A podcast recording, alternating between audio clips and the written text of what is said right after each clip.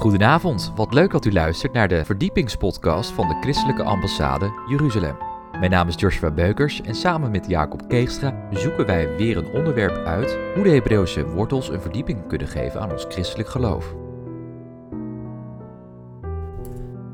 In aflevering 117 gaan wij verder met de Bijbelserie Zicht op Romeinen, Romeinen 11, geënt op de edele olijf. Wij wensen u veel luisterplezier.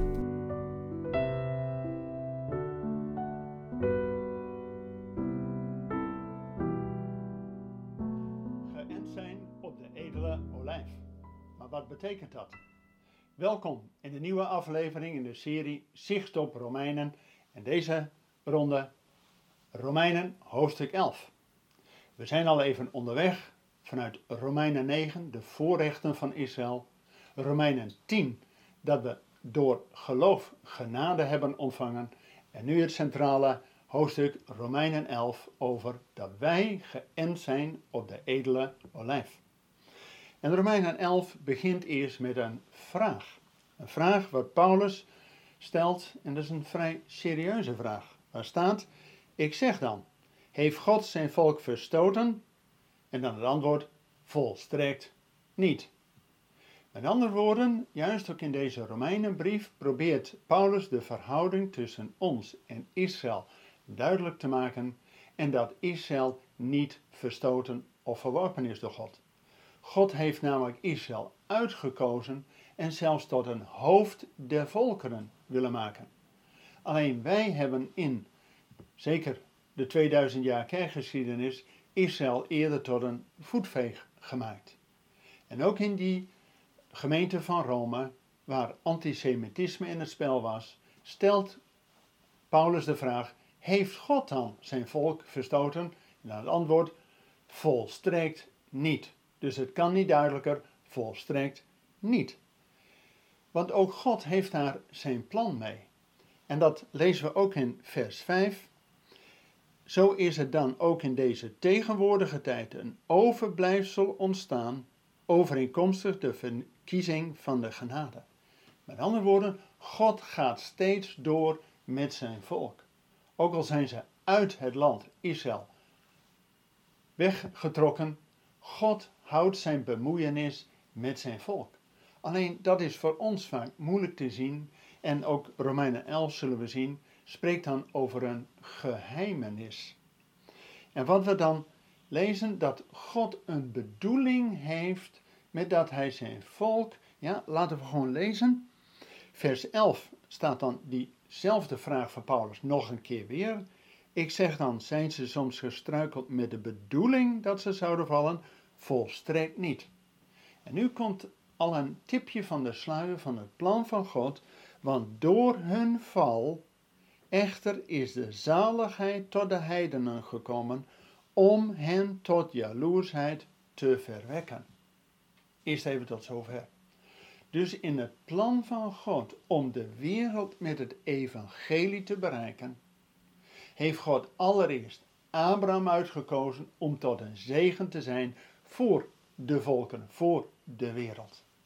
En in het plan van God, dat hij zijn volk ook de wereld laat doortrekken, is om de volkeren ja, tot het evangelie te bewegen. En wanneer wij dat evangelie ontvangen hebben, dat we dan niet zeggen dankjewel en nu is het voor ons, maar direct ook die twee richtingwegen die God heeft bedoeld, dat wij ook Israël tot jaloersheid brengen. Nou, daarin kunnen wij nog wat leren. Maar we krijgen een tweede kans van God om dit nu ook werkelijk te laten zien. Dat wij Israël tot jaloersheid willen brengen en met name dat wij als gelovigen uit de volkeren geloven in de God van Abraham, de God van Isaac en de God van Jacob, de God van Israël. En als wij dat voorleven om te leven met die God van Israël, dat ook Israël tot jaloersheid wordt gebracht door ons, zodat ze ook in hun eigen God gaan geloven. En in het plan van God gaat wordt dit twee keer herhaald. Want er staat dan in vers 15, want als hun verwerping verzoening voor de wereld betekent, wat betekent hun aanneming anders dan leven uit de dood? Met andere woorden, God heeft zijn volk de wereld in laten trekken om daarmee ook het evangelie bij ons op de stoep te brengen. En als wij ook hen, ja, dankbaar mogen zijn dat de zaligheid, de verzoening via Israël tot ons gekomen, met name de Messias van Israël, die wij kennen als onze Heer Jezus Christus. Dus wat lezen we? Als hun verwerping verzoening voor de wereld is gekomen, want zij hebben hun Messias als een priesterlijke rol geofferd tot verzoening voor de zonden van de wereld. Maar dan houdt het niet op met Israël, want we lezen wat betekent dan hun aanneming anders dan leven uit de dood. Dus God heeft nog ja, een tweede fase. Dat hij Israël eerst de wereld in laat trekken om het evangelie bij ons op de stoep te brengen. Maar dat God ook hen weer gaat aannemen.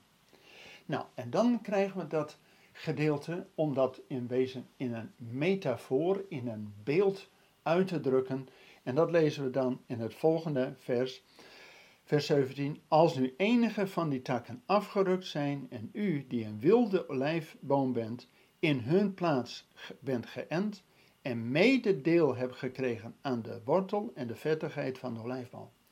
Hierin staat dat wij als takken van de wilde olijf nu geënt zijn op die olijf van Israël en deel krijgen aan hun verdrijke sappen. En dat wil zeggen dus ook alles wat vanuit de wortel, de stam, naar de kruinen, naar de takken gaat, is ook een beeld van Gods woord en van Gods geest.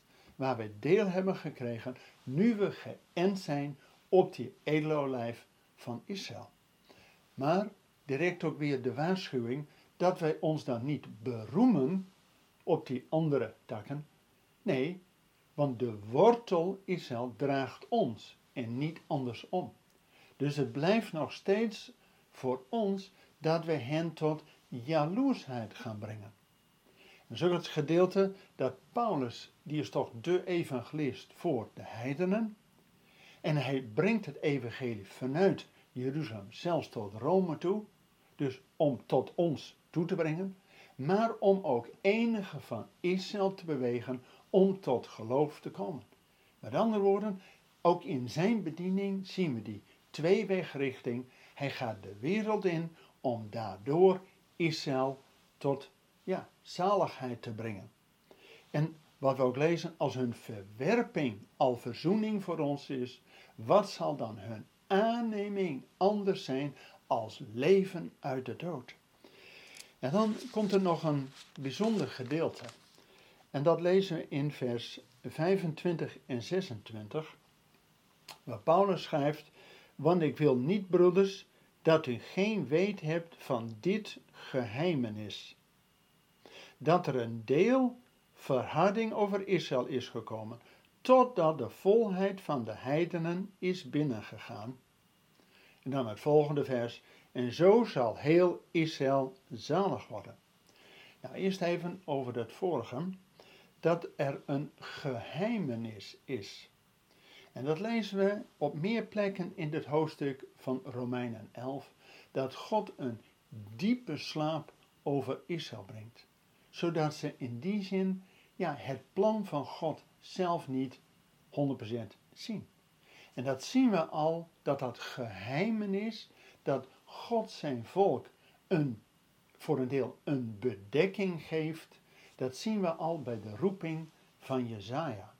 Als de grote profeet Jezaja geroepen wordt en dan vraagt God, wie zal ik zenden? Dan zegt Jezaja, zend mij. En dan zegt God, prima, ik zal jou zenden. Je mag de woorden van mij aan het volk verkondigen, maar ik zal hun de watjes in de oren doen en de schellen voor de ogen. Want het plan van God is nog niet dat ook zijn volk nu volledig die verzoening en die aanneming ervaart. Maar dat komt. En ook onze Heer Jezus Christus, die in de lijn van de profeten handelde, zoals een Jezaja, maar ook een Elia en een Elisa, dat Jezus zelfs iemand uit de doden opwekt om te laten zien dat hij in de lijn van de profeten staat en handelt. Ook Jezus ging aan de grote massa alleen geheimenissen, ook wel gelijkenissen vertellen van het koninkrijk van God. Dat lezen we onder andere in Matthäus hoofdstuk 13, waar verschillende gelijkenissen worden verteld. En de schare, die had daar eerst genoeg aan. Alleen zijn discipelen, dus degene die tot geloof in Jezus waren gekomen, daaraan vertelde Jezus de uitleg van die geheimenissen, van die gelijkenissen. En dat is ook hier wat we in Romeinen 11 zien, dat er een geheimenis is in het plan van God, dat er een gedeeltelijke verhouding over Israël is, totdat. Totdat de volheid der heidenen is binnengegaan. Mensen, we zien dat het evangelie, mede door al die Joden, de wereld is ingegaan en ook ons land heeft bereikt en bijna de wereld rond is gegaan. En daarmee ook bijna dat de volheid der heidenen tot geloof is gekomen en ingegaan is in het koninkrijk van God. En dan zien we dat God ook die draad met Israël weer oppakt. En dat is wel heel frappant. Dat nu het evangelie bijna de wereld rond is. Dat God nu ook al langzamerhand, en dat zien we, de draad met Israël weer oppakt. Dat ze eerst terugkeren in het land. Dat is fase 1. Maar fase 2 is dat ook Gods geest over hen komt. En dat zij het hart van steen, dat God het eruit haalt en een hart van vlees geeft. En dat ze vervuld worden met Gods geest, zodat ze mogen weten wie hun eigen God is. En we staan op de drempel van dat gebeuren, dat die volheid der heidenen is bijna binnen. En als we dan doorlezen in vers 26, en zo zal heel Israël zalig worden. Of in die andere vertaling, zal gans Israël tot behoudenis komen. Want God is nog niet, ja, heeft nog niet afgedaan met zijn volk, heeft zijn volk voor een deel verstoten, om nu aan het eind van de geschiedenis, om hen weer terug te brengen en hen tot een hoofd der volkeren te stellen. En dat zullen we de komende jaren zien. En tot die tijd mogen wij als gelovigen uit de volkeren Israël tot jaloersheid brengen. En te laten zien dat we ook een andere gelaat van Jezus aan hen tonen. We hebben hen 2000 jaar lang eerder als een voetveeg behandeld en nu mogen we hen ook weer terugbrengen naar het land. En we bidden dat daardoor Gods geest gaat werken in hun harten. En als christelijke ambassade Jeruzalem zijn we al 30 jaar verbonden met het Aliyah-werk dat we Joden vanuit de hele wereld terugbrengen naar Israël en hen daarin ondersteunen en zo wil ik u ook graag eh, meenemen in een filmpje over de terugkeer van de zonen van Menashe. En die zingen zodra ze in Israël op ja, hun nieuwe uh, thuisland voet aan wal zetten, dat ze het volkslied zingen, het Hatikwa. Kijk mee naar het filmpje van de Bnei Menashe in Jeruzalem.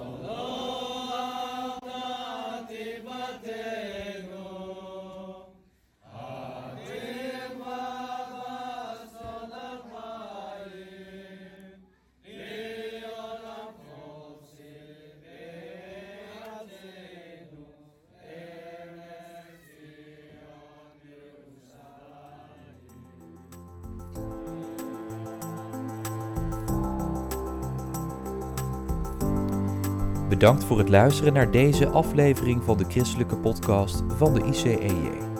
Waardeert u ons geluid? Steun ons dan met een donatie of deel deze christelijke podcast met uw vrienden of familie. Ga naar icej.nl. Dit was het einde van de reeks Zicht op Romeinen. We hopen dat u hiervan heeft genoten. Volgende week volgt er weer een nieuwe aflevering. Luistert u weer met ons mee? Ik hoop van wel. Bedankt voor het luisteren en tot volgende week.